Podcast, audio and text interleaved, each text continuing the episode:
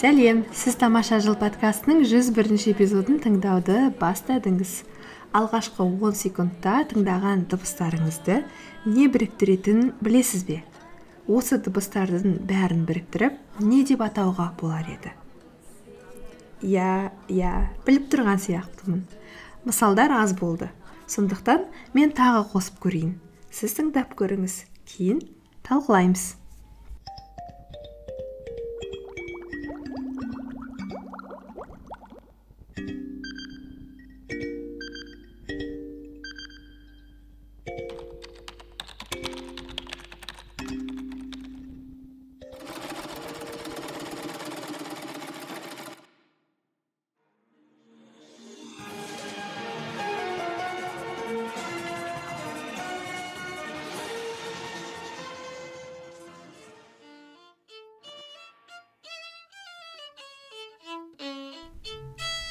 Ал енді қалай ойлайсыз? Бұларды қалай біріктірсе болады? Ғалымдар мен эксперттер соңғы жиырма жылда бұл салаларды креативті экономика деген атауға біріктірген. Креативті экономика? Иә креативті экономика. Креативті экономика деген терминді бұрын естіп пе едіңіз? Креативті экономика деген терминді естіген кезде ойыңызға не келуші еді? Креативті экономика дегеніміз не менің ойымша ғой чисто. Ол халыққа түсінім түсінімді халықтың түсінуіне оңай болатын экономика шығар деп ойлаймын енді өзім.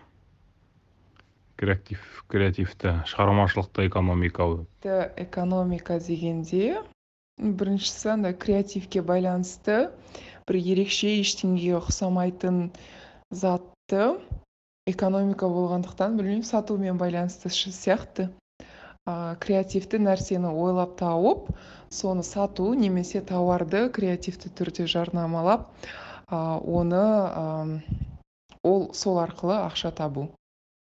Креативті экономика дегенде ойыма ештеңе келмейді. мүлдем ештеңе келмейді жалпы креативті экономика дегеніміз менің ойымша сразу ойыма вайнерлер мен блогерлер есіме түсті. Олардың өзінің креатив арқылы қаржылық сауатын көтеріп жатыр. Креативті экономика? М қызық термин екен. Шынымен де экономиканың не екенін білемін креативтіліктің не екенін білемін. Ал бірақ креативті экономикашы ойланып көруге тұрарлықтай екен. Білмеймін мүмкін экономиканың креативтілікті талап ететін бөлімі шығар. Креативтілік деп енді көбінесе дизайн бір жаңа технологияларға креативті идеяларды қосу қосып арқылы дамыту ә, дегендерді айтуға болатын шығар. Хм тамаша ойландыратын тақырып екен. Ең алдымен бұл қандай сала? Неге мұны мектепте не жоғарғы оқу орнында өтпедік? Бұған өзі қандай салалар кіреді? Жарайды. Кірсе кірсін. Оның маған не қатысы бар деген сұрақтар ішіңізді жарып шығып жатса мен таңғалмаймын. Бұл жаңа ұғымдардың бірі. Алайда креативті экономиканың елдің экономикасын алға жылжытатын маңызды факторлардың бірі екендігіне көптеген зерттеулер жасалған. Бүгін қазақстандағы бритиш кансл яғни британ кеңесінің қолдауымен осы тақырыпты тереңірек зерттейтін боламыз. Және осы эпизодтың сіздерге дейін жетуіне себепші болған британ кеңесіне үлкен алғысымды білдіремін. Креативті экономика саласындағы негізгі еңбек ол біріккен ұлттар ұйымы жанындағы креативті экономика бойынша консультациялық кеңестің мүшелері джон хокинс пен чарльз лендридің зерттеулері болып табылады. Бұл авторлардың пікірінше креативті экономика дегеніміз ол жаңа бірегей идеяларды табу талантымен сол идеяларды экономикалық капиталға айналдырып сатылатын өнімге айналдыра білу қабілетін айтады бұл біраз жылдар бойы экономикалық зерттеу институттарында жұмыс істеген айжан мұқышбаева. Осы уақытқа дейін өндірістің негізгі факторларына ә, негізінен еңбек ә, жер ресурстары капитал кәсіпкерлік қабілет сондай ақ ақпарат жататын. Енді қазір креативті экономика жағдайында бұл тізімге тағы бір фактор қосылды. Ол идея. Және бір айта кететін қызық жайт ол осы креативті экономика жағдайында тек қана ақпарат пен идеяға ие болып қана өнім өндіруге болады. Оны коммерцияландыруға болады.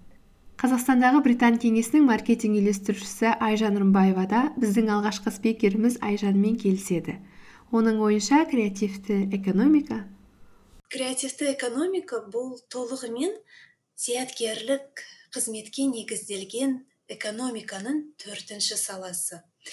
Онда өнер мәдениет бизнес және технологиялар қиылысады. Бұл экономиканың ең жылдам дамып келе жатқан салаларының бірі айтуға болады. Көптеген елдер өз болашағын осы сектордың дамуымен байланыстырады. Креативті экономикаға өте ә, көптеген салалар кіреді. Оған мысалы ә, өнер саласында шығармашылық саласында сосын мына ақпараттық технологиялар салалар ә, саласының секторындағы бірнеше салаларды қамтиды. Мысалы жарнама газет журналдар кинематография видео өндірісі музыка ә, компьютерлік ойындар ғылыми зерттеулер мұражайлар мен кітапханалар әдебиет саласы. Яғни адамның шығармашылық ақыл ойын қамтитын салалардың барлығы дерлік кіреді шынымен де креативті экономиканың бірыңғай нақты анықтамасы жоқ. Бұл шығармашылықтың идеялар мен зияткерлік меншіктің білім мен технологияның өзара байланысынан туындайтын тұжырымдама. Негізінен бұл креативті индустрияларға бағытталған білімге негізделген экономикалық қызмет түрі деп айтсақ болады.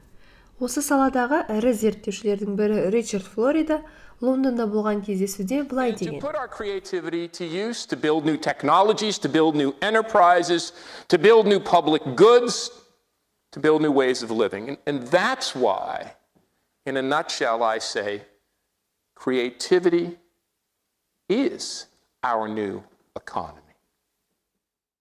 Яғни бұрын біз үлкен зауыттарды қалалардағы якорлық жобалар деп қабылдайтынбыз.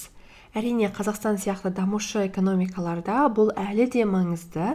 Бірақ жетілген қалаларда жоғарғы оқу орындары колледждер білім хабтары таланттарды тартатын якорлық институттар. Олар тікелей экономикалық өндірушілер ғана емес олар өздеріне таланттарды тартады миларды тартады. Қалалар мен қауымдастықтар енді өз қалаларын алға өрлету үшін креативті талантты өзіне тартып сақтап қалу керектігін түсіну керек. Қауымдастықтар ми ағыны емес миларды тартатын орындарға айналу керек. Бұл жерде тек білім орындарын көбейту туралы ғана айтып отырған жоқпыз. Бұл тұрғылықты жердің сапасын жақсартуды қоғамның өмірге қолайлы және қоғамның түрлі мүшелері үшін инклюзивті болуына назар аударуды қажет етеді.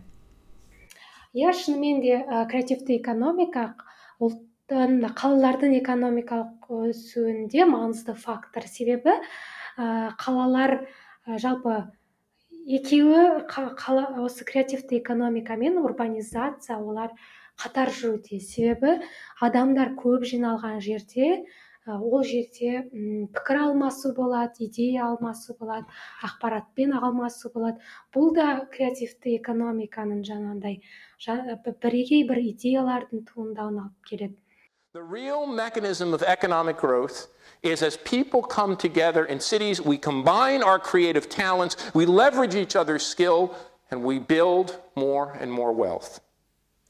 2018 жылы британдық кеңес осы креативті индустрияға қатысты үлкен зерттеу жүргізген болатын. Сонда ә, британдық кеңестің есептеуі бойынша қазақстанда бұл индустрияға 18 мыңға жоқ кәсіпорын кіреді екен. Яғни бұл дегеніміз қазақстандағы тіркелген ә, заңды тұлғалардың төрт пайызы. Ал енді осы креативті индустрияға кіретін кәсіпорындардың жартысына жуығы бұл ғылыми техникалық қызметтегі кәсіпорындар болып табылады.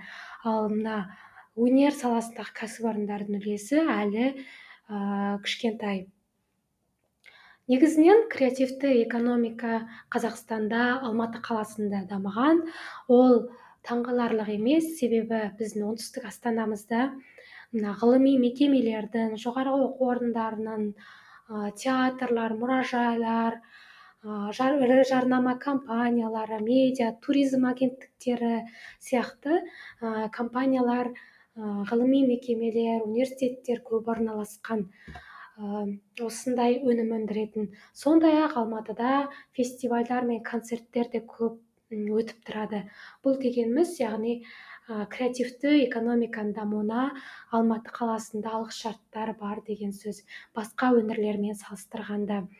Және 2019 жылы осы алматы қаласының әкімі бақытжан сағынтаев алматы қаласында креативті индустрия паркін құру туралы жоспарды атап өткен болатын. Развивать алматы как культурный креативный город.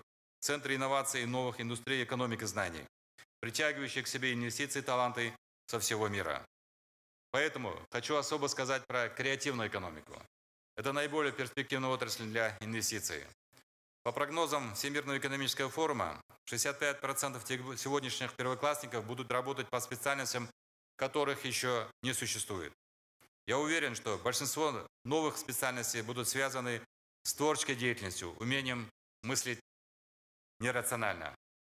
Креативная индустрия – это одно из наиболее перспективных направлений развития экономики ближайшей перспективе, особенно крупных городов. алматы қаласынан басқа менің ойымша креативті экономиканың дамуына сондай ақ біздің еліміздегі ірі мегаполистер нұр сұлтан қаласы мен шымкент қаласында да үлкен алғышарттар бар деп ойлаймын себебі бұл қалаларда да халық көп көп шоғырланған және шағын және орта бизнес басқа өңірлермен қарағанда жақсырақ дамыған осындай халық көп шоғырланған жерлерде пікір алмасу ақпаратпен алмасу жиі болады сол кезде. Және де оларға олардың өніміне сұраныс та бар. Сол себепті бұл қалаларда менің ойымша осындай креативті экономиканың дамуына алғышарттар бар. Демек бұл қалаларда қазірдің өзінде алғышарттар бар. Дегенмен бұл шағын қалаларда креативті экономиканы дамыту мүмкін емес деген сөз емес. Әр қала бұл салаларды дамыту арқылы өзінің бәсекеге қабілеттілігін арттыра алады. Ағылшын тіліндегі материалдарда креативті экономика өкілдерінің шағын қалаларға көшіп ондағы қауымдастықты қалай өзгерткені туралы көптеген ақпарат бар. Қызық болса ары қарай зерттеуді сіздерге тапсырдым. Ал жалпы қазақстанға келетін болсақ соңғы жылдардағы тың өзгерістерді британдық кеңес әкелуде. Олар креатив спарк жоғарғы оқу орындарында кәсіпкерлікті дамыту бағдарламасын іске асыруда. Креатив спарк бұл қазақстан өзбекстан қырғызстан әзірбайжан армения грузия және украинада кәсіпкерлік дағдылар мен креативті экономиканы дамыту мақсатын мақсатында жоғарғы оқу орындарымен халықаралық серіктестіктер құру бойынша ұлыбританияның бес жылдық бағдарламасы. Креатив спарк бағдарламасы шынымен де ерекше. Ә, өйткені бағдарлама ұлыбритания мен қазақстан арасындағы креативті кәсіпкерлік саласында тәжірибе алмасумен ғана шектелмейді. Ә, сонымен қатар ә, жүйелі түрде елімізде осы секторды дамытуға қолдау көрсетіледі. Бағдарламаның негізгі мақсаттарының бірі ә, бұл жоғары оқу орындарында креативті экономика саласындағы кәсіпкерлікті дамыту. Ә, яғни оқу бағдарламаларын әзірлеу университеттер базасында кәсіпкерлік хабтарын дамыту. Және де ә, жас кәсіпкерлер мен студенттерге креативті салалар бойынша жүйелі қолдау көрсетіледі. Сондай ақ олардың ә, кәсіби шеберліктерін арттыру үшін ә, ағылшын тіліндегі онлайн ресурстармен қамтамасыз етеміз. Біздің бағдарламамыз ә, қазақстанда мен қырғызстанда осымен үшінші жылы жүргізіліп жатыр. Біздің 13 серіктесіміз бар және қазірдің өзінде олардың жақсы нәтижелерін көріп отырмыз. Мысалы қазақстан туралы айтсақ әр серіктесіміз британдық университеттермен жұмыс істеуде. Олар қазірдің өзінде бірлескен жобалар мен оқыту бағдар, бағдарламаларын жүзеге асыруда. Жобамыз әлі екі жыл жалғаспақ. Бағдарламаның әлі талай қазақстандық жастардың жобаларына тың серпін беретініне сеніміміз мол. Тамаша. Қазақстанда қазір түрлі тамаша жобаларды атқарып жатырсыздар.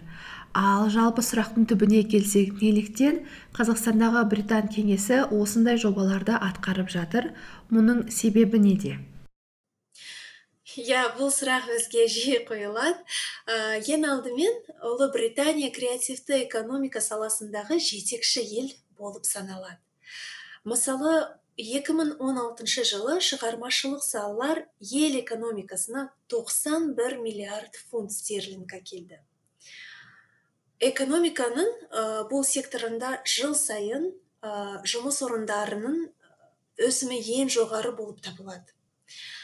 Ә, мысалы әлемдік масштабта шығармашылық индустрия 29 миллион жұмыс орнын ашады. Бұл ә, әлемдегі жұмыспен қамтылған халықтың бір пайызы болып саналады.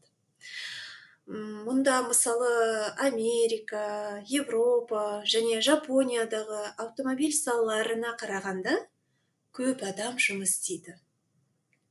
Сондықтан ә, британдық кеңес басқа елдермен осы бағыттағы тәжірибесімен бөлісуге тырысады ә, және қазірдің өзінде бұл жобалар өз жемісін беруде. Осы креатив спарк бағдарламасының аясында жыл сайын big idea challenge конкурсы өтеді. Big idea challenge видео презентация байқауына 18 бен 35 жас аралығындағы креативті индустрияның жас өкілдері қатыса алады. Байқауға үш категория бойынша қатысуға болады.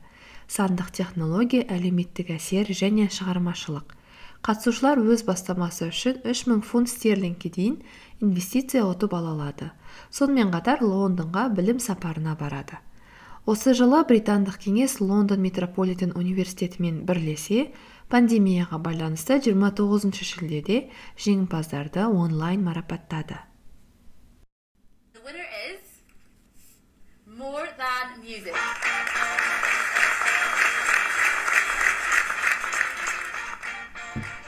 Dombra is the Kazakh national music instrument. As a multinational country with more than 130 nationalities, our Kazakhstan have problems such as some people not knowing about our folk music. And I must get questions. What is this instrument? Even what is it? To solve this problem, I create the concert lectures by introducing the target audience with the history and the musical works of Kazakh traditional culture. The modern music concert lecture includes playing, showing, explaining, and teaching in three languages Kazakh, Russian, English. I will teach everyone who wants to play the dombra. менің есім әбиділлә мәртебе болады мен бритиш консул ұйымдастырған big idea challenge конкурсының қазақстандағы жеңімпазы боламын қазіргі таңда құрманғазы атындағы қазақ ұлттық консерваториясының төртінші курс студентімін және де осы конкурсқа қатысуыма себеп болған осы консерватория ұжымы және менің домбыра аспабымен тікелей байланысты менің идеям мәртебе бұл жарыс туралы қайдан естідіңіз қалай дайындалдыңыз? Маған осы жайында ақпарат айтқан ә, менің ұстаздарымның бірі динара ермековна кешубаева. Апайыма рахметімді айтамын. Ә, сол кісінің қолдауымен сол кісінің арқасында мен осы жетістікке жеттім деп айтсам болады. Ә, бір күні ә, келдім апайға бір жұмыстарыммен. Сол кездері ол кісі мәртебе ты же знаешь английскийді білесің ғой? Келіп осындай конкурс бар бізде қатысасың ба? деді. Осымен жарайды. Ойымда еш нәрсе жоқ. Бірақ бұрыннан бері ойға алып жүрген идеяларым бар тұғын. Мен ұсындым сол идеяларымды соның ішінен біз таңдадық. Сол бойынша ә, жұмыс жасадық. Негізі мен бұл big idea челленджге қатыспай тұрып та ол идеямен конкурстарға қатысқанмын. Бірақ өкінішке орай өмірде жеңіс те болады жеңіліс те болады. Сол жеңісімнің бұйырысы осы конкурстан болып тұр. Енді бізге сіздің more music жобаңыз туралы толық ақпарат қызықты болып тұр. Бұл қандай жоба? Жобаңыздың басты идеясы қандай? Және бұл кәсіпкерлік бағытында болғандықтан неліктен сіз оны кәсіпкерлік деп санайсыз? Сіздің бизнес моделіңіз қандай болмақ? Бұл тікелей біздің қазақтың ұлттық музыкалық аспабы домбырамен байланысты. Бұл мозан мюзик деген енді аудармасында больше чем музыка деп тұр ғой. Бұл тек қана жалғыз ғана музыка күй ән емес. Бұл біздің домбырамыздың құдіреттілігін қасиеттілігін тек қана ода музыка емес ол біздің тарихымызбен байланысты біздің тыныс тіршілігіміз өмірімізбен байланысты екенін мен сол тақырыбымен атымен білдіргім келді.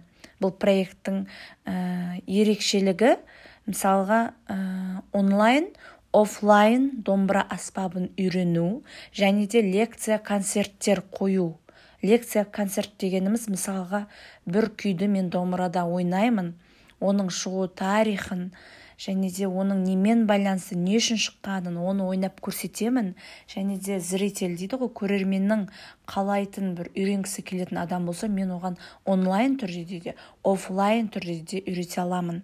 Бұған мен уже опытым төрт жылдан бері мен сабақ беріп келе жатырмын және де ә, бұл проектті ойланып істегім келген себебі үнемі мен көшеде мысалы кетіп бара жатамын домбырамен жұрттар сұрайды мынау қандай аспап? Гитара ма? деген сияқты. Сонымен маған ой келді. Кішкене де болса осы қазақтың домбырасын бір көтеріп танытуға деген менің махаббатым ашылып неге білмейді адамдар? Пусть білсін біздің домбыра жайында көбірек білсін. Тек қана қазақстанда емес әлемдік деңгейде білсе екен деген сондай арманмен мен бастадым бұл проектті. Сол үшін мен екі жылдан аса уақыт ағылшын оқыдым. Әлі де оқып жатырмын. Себебі шетелге таныту үшін қазақ тілін орыс тілін білу жеткіліксіз екендігін мен осыдан екі-үш жыл бұрын көзім жеткен тұғын. Ең басты мақсат біздің қазақтың домбырасын танытып дәрежесін көтеріп ә, жалғастыру біздің ата бабамыздан қалған үрдісті. Және де екінші мақсат біздің әрбір ұлттың біздің мына мәдениетімізбен алмаса отырып әр түрлі ұлттардың арасындағы арақатынас туыстық достықты нығайту соны бір қалай айтсам болады ара жігін жақсарту. Мысалы біздің қазақстан 130-дан астам ұлт өкілдерінен тұрады. Мысалға соларға домбырамен олардың басқа да музыкалық аспаптарымен бірігіп таныса отырып жаңағыдай ә, сөйтіп танысып біліскен сайын ол қызық адамдар ә, зерттеу статистикасы бойынша бір бірінің мәдениетін танысып көрісіп білген сайын бір біріне жақындығы достығы арта түседі. Және де бұл проекттің тағы бір ерекшелігі бұл тек қазақ тілінде ғана емес мен дайын программа жасадым. Күйлерге мысалға бір күйдің бір он күйді алам ба соны шығу тарихымен мен үш тілде айтып түсіндіріп ә, сұрағандарға сол үш тілде жауап беріп үйренем дегендерге үш тілде қазақша орысша ағылшынша сабақ өтемін. Қазіргі таңда менің уже америкадан бостоннан массачусетс штатынан менің оқушыларым бар. Осы алматы қаласында қазіргі таңда онлайн карантинге байланысты енді онлайн дамыды ғой. Оған қарамастан негізі мен екі жылдан бері уже шетелдік студенттерге онлайн сабақ беріп келе жатырмын орыс тілінде. Біз істемесек жастар істемесе кім істейді оны? Мысалға біздің консерваторияның мұғалімдері уже жас емес деген секілді. Бір сондай креативный бір сондай бір ой келді.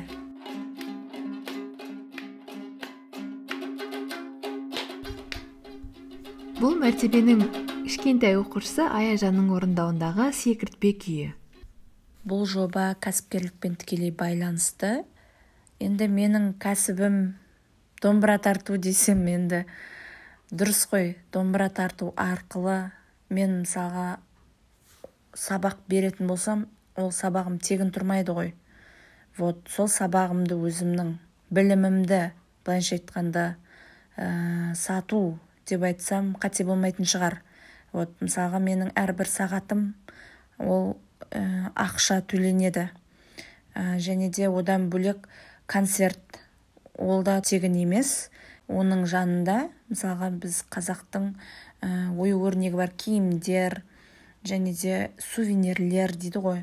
Сол нәрселерді сатумен қалаған адамға доставка жасаумен вот сондай кішігірім бизнес деп айтуға толық болады деп есептеймін. Керемет. Ал сізге жоба бойынша қандай көмектер көрсетілді? Әлі күнге шейін керемет сезімдемін. Осындай ұйымдастырушылармен осындай адамдармен араласып сондай ортада жүргеніме солармен бірге конкурсқа қатысып қазақстан атына жеңімпаз болғаныма мен өте қуаныштымын. Тіпті ә, әлемдік международный финалға шығып содан орын ала алмадым. Бірақ оған қатысқандарман да қатыспағандарман да себебі білім алдым мен. Ал оны ешқандай мен орынмен де ақшаға сатып алуға бола алмайтын дүниелерді өзімнің бойыма алдым десем болады. Ол бірінші орында білім. Білім өте керемет берілді. Әлі күнге шейін де үйренудемін. Ол жақтан мысалға көмек ретінде ең бірінші бізге білім екінші сол білімді бергеннен кейін сол жобамызды іске асыруға грант тағайындалды. Одан кейін бізге арнайы менторлар бөлінеді. Ментор дегеніміз жол көрсетуші бізге нұсқаушы ұстаздарымыз. Қазіргі таңда мен ә, любовь жук деген ә, украинканы таңдадым. Қасында дэвид деген жаңағы ә, партнермен. Сол қазіргі таңда жұмыс жасаудамыз. Бізге бағыт бағдар көрсетуде және де маған бір ұнайтындығы Ә, біз тек қазақстанда болып жатқан нәрсемен шектеліп жатқан жоқпыз. Мен олардың арқасында әлемде мысалға басқа мемлекеттерде қалай дамып жатыр. Біз қазіргі таңда қазақстанның ә, дәрежесі білімі қай жерде? Шетелдің басқа әлем елдерінің білімі қай жерде екендігін жақсы түсініп жатырмын. Сол нәрсені ә, салыстыра келе әртүрлі керемет ойлар идеядан идея туындап қазіргі таңда ә, жетістіктерім мені үйренген жұмыстарым өзімді қуантарлық дәрежеде. Құдайға шүкір көп нәрсе үйреніп жатырмын. Және де көп адамға ақыл кеңес айтар едім. Ағылшынша үйреніңіздер қатысыңыздар қалмаңыздар. Біз жасамасақ осындай нәрсені. Қазақтың ұлттық дүниелерін біз көтермесек шетелдің адамдары келіп көтермейді басқа адамдар келіп көтермейді. Біз осылай жастар осы бастан көп нәрсеге ұмтылып алдыға жылжуымыз қажет. Сол кезде біз сол англия секілді америка штаттарындағыдай биік білімді сондай керемет мемлекеттер қатарына кіруші едік деп ойлаймын.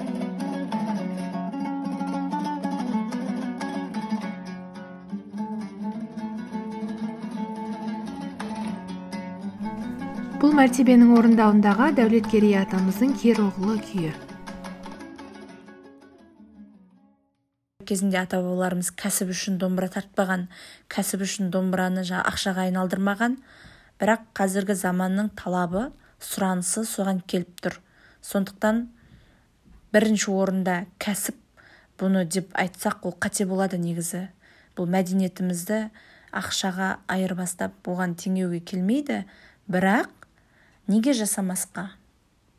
Үйренем дейтін адамға домбыраны кез келген аспапты неге үйретіп неге концерттер қойып жұрттар содан егер шынымен қуанып содан күшті бір энергия алатын болса неге оны жасамасқа? Мысалға әлемдегі мысалы фортепиано концерттерінің бағасы өте жоғары өте мысалға 500 доллардан басталуы мүмкін даже. Кейбір адамдардың опера әншілерінің өзінің бір жеке концертіне билет алу үшін адамдар айлап очередьте тұрады. Мысалы элементарный петербург москваның өзінде ол жақта әлі күнге шейін мына балет опера театрында адамдар өте көп барады. Өкініштісі біздің қазақстанда сондай концерттерге адамдар бармайды. Ол біздің мәдениетіміздің әлі де кішкене ақсап жатқандығын білдіреді. Біздің қазақстанда да мысалы көбісі эстрадаға жүгіреді. Ал бізде керемет керемет музыкалық аспаптардың ансамблі. Олар өкінішке орай осы қазақстанда ондай қатты сұранысқа ие болмағаннан кейін шетелде жүр. Қымбатты мәртебе тамаша. Енді сіздің ары қарайғы жоспарларыңыз қандай және сіздің концертіңізге қашан бара аламыз? Ә, домбыра үйрету мектебі десек болады. Соның ә, жанында концерттер жүретін болады. Қазіргі таңда өкінішке орай карантинге байланысты тек онлайн варианттағы концерт және де жоспарда онлайн түрде сабақ. Болашақта осы пандемия біткеннен кейін әрине офлайн концерттерді ұйымдастыру жоспарда бар. Қазіргі таңда сол концертті ұйымдастыру барысында жұмыстар жүріп жатыр. Және де алдағы уақытта қалай уақыты белгілі болады. Мен сіздерді міндетті түрде шақырамын. Көрермен болыңыздар келіңіздер. Қызықты болады. Ә, керемет демалыс алып қайтасыздар. Мен оған сенімдімін. Мәртебенің концерті не домбыра мектебі туралы жаңа ақпарат білсек әлеуметтік желіде хабарлайтын боламыз. Ол қазірдің өзінде домбырадан сабақ береді. Оның әлеуметтік желідегі аккаунты мәртебелі. Мәртебе ly енді осы конкурсқа қатысушы нұрболат деген тағы бір керемет азаматпен сөйлестік. Оның тобының жобасы ambulance дрон деп аталады. Бұл қысқа уақытта дрон арқылы алғашқы көмек көрсететін жоба. Сәлем ә, менің есімім тілеубай нұрболат. Бритиш кансл ұйымдастырған биг idea челлендж конкурсының қазақстандағы финалистімін. Ә, мен қазақ британ техникалық университетін бітірдім. Мамандығым ә, қазақстан теңіз академиясында кеме жүргізуші мамандығы бойынша білім алдым. Ол яғни халықаралық жүк тасымалдау кемелерінің жүргізушісі. Алайда нұрболаттың кеме жүргізушісі мамандығына оқуы оның бос уақытында өзінің креативті идеясын ойлап тауып қарастырып тобымен бірге жарысқа қатысуына кедергі болған жоқ. Дайындықты ең бірінші мозговой штурмнан бастадық. Қандай идея алуға болады? Әлемде не нәрсе актуальны болып жатыр. Қандай идеялар бар деген сияқты. Негізі актуальностьқа мән беру керек қой. Кез келген стартап жобасында ол бір мәселе шешілу керек. Ғаламдық деңгейдегі әлемдік деңгейдегі бір мәселе шешімін табу керек. Немесе ең кемінде сол шешімін табуға тырысу керек. Біз ең бірінші сол нәрсеге мән бердік. Жалпы әлемде қандай проблемалар бар қалай шешуге болады қандай шешімдер табылып жатыр деген сияқты.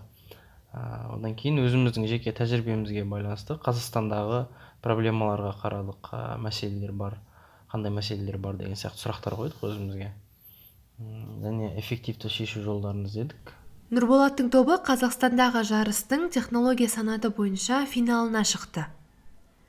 Кейін менде бір сұрақ пайда болды.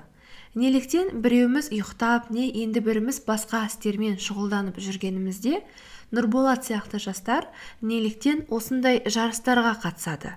Оларға мұндай жарысқа қатысуға не себеп? Мұндай жарыстарға қатысу оларға не береді? Бұндай жобаларға қатысу ең бірінші ә, үлкен тәжірибе береді. Зерттеу жасауды үйренесің қасыңдағы достарыңмен бірге командалық ә, жұмыс жасау арқылы ә, өзіңнің жеке қабілеттеріңді дамытуға алып келеді және болашақта саған пайдасын тигізетіні өте көп. Екіншіден ол жақсы орта береді.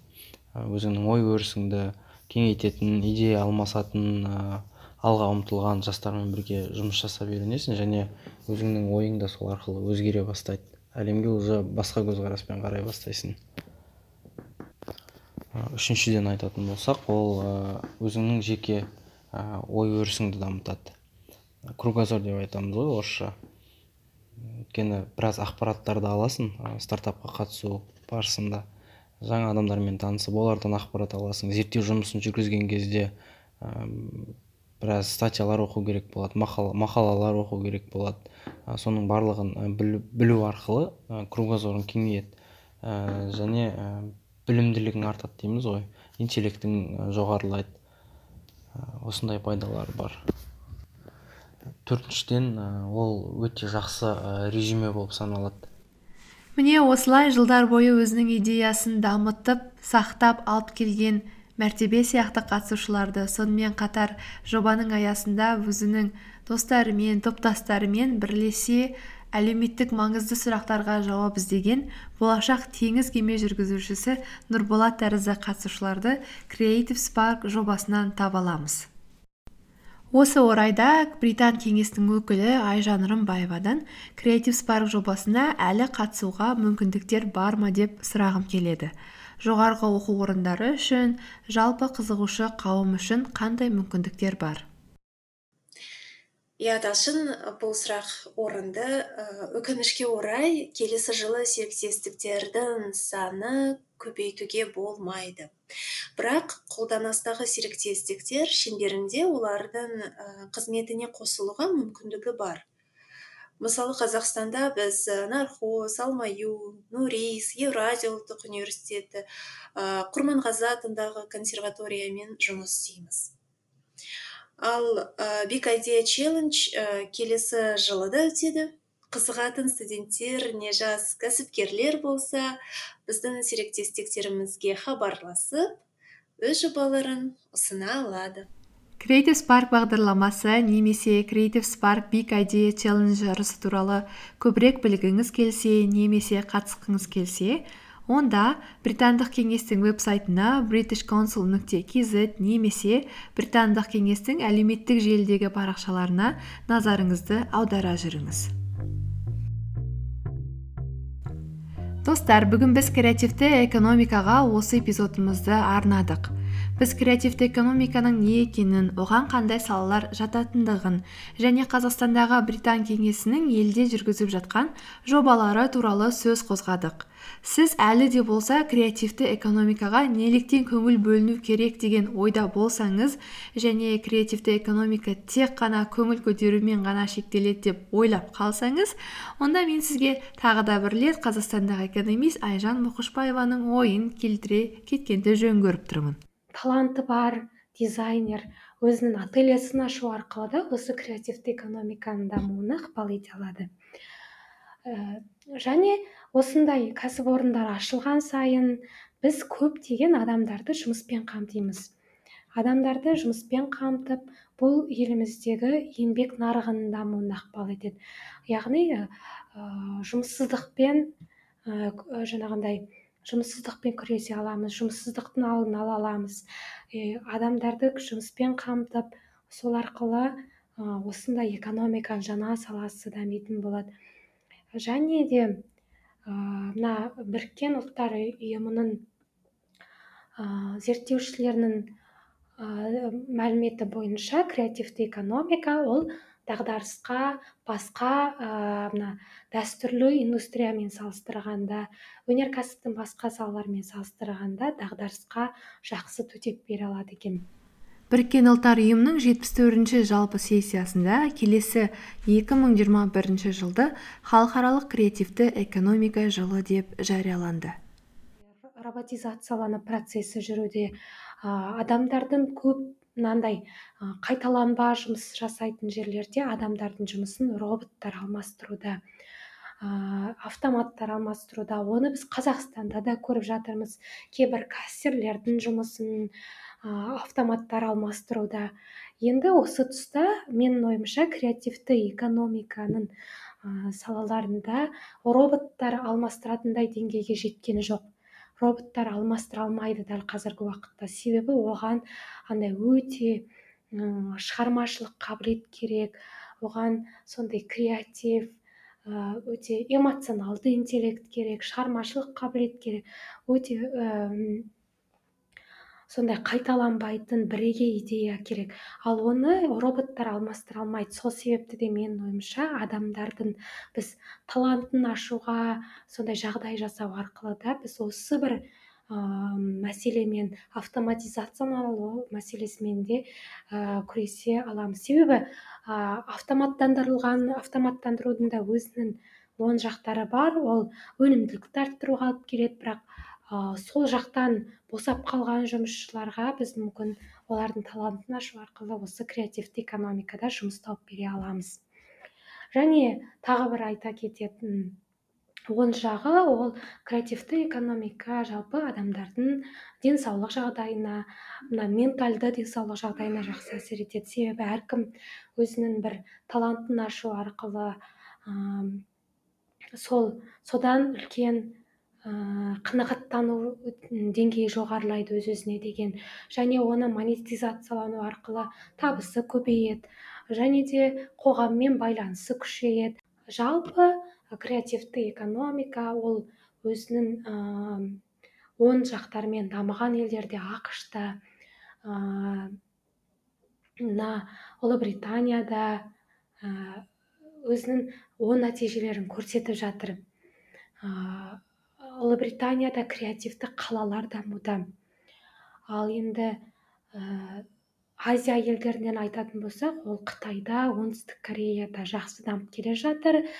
Ә, қытайда сондай қалалар дамып жатыр.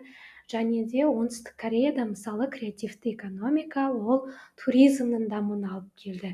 Себебі оңтүстік оңтүстік корея ол 2010 жылдардан бастап стратегия қабылдады осы креативті экономиканы дамытуға қатысты. Сол арқылы олар өздерінің кино индустриясына инвестиция бөлді көп бөлді мына кей попқа инвестиция бөлді. Соны және өте шетелдерде киноларын экспорттай бастады кей попты көп шығара бастады шетелдерге концерттермен оларды мемлекет те қолдады. Содан кейін ол сол кореяға туристер ағыла бастады. Себебі кореяның туризмінің дамуына алып келді. Сол кей попқа құштар кореяның киноларын көрген адамдар сол кореяны көруге асықты. Ә, және олардың ә, туризммен қатар ә, олардың университеттеріне ақылы бөлімдеріне студенттер шетелден ағыла бастады. Солай олардың экономикасына шетелден валюта келді ол менің ойымша егер қазақстанда да осындай ыыы көңіл бөлу арқылы осы салаға біз де жақсы нәтижеге жете аламыз. Қарқынды жаһандану кезеңінде көптеген елдер креативті индустриялар арқылы мәдениет пен коммерцияны үйлестіріп елдің қаланың ерекше имиджін ұсынуда. Кейде мұнай 20 ғасырдағы экономиканың негізгі отын көзі болды дейді. Ал 21 ғасырда креативтілік негізгі энергия көзі деп айтады. Біз өзіміздің қалаларымыздың еліміздің креативтілікті қалай дамытып жатқанына назар аударуымыз керек. Білім қалай берілуде қалалар қалай жоспарлануда біз қоғаммен қалай қарым қатынас жасаудамыз. Шабыттаныңыз өзіңізді шектемеңіз. Бір идея әлемді өзгерте алады. Сіз тамаша жыл подкастының 101 бірінші эпизодын тыңдадыңыз. Осы эпизодтың шығарылымына қатысқан барлық қатысушыларға көп рахмет. Сондай ақ осы эпизодтың шығарылымына және жалпы қазақстандағы креативті экономиканың дамуына байланысты жобалар атқарып жатқан қазақстандағы британ кеңесіне үлкен алғысымды білдіргім келеді. Келесі кездескенше сау болыңыздар.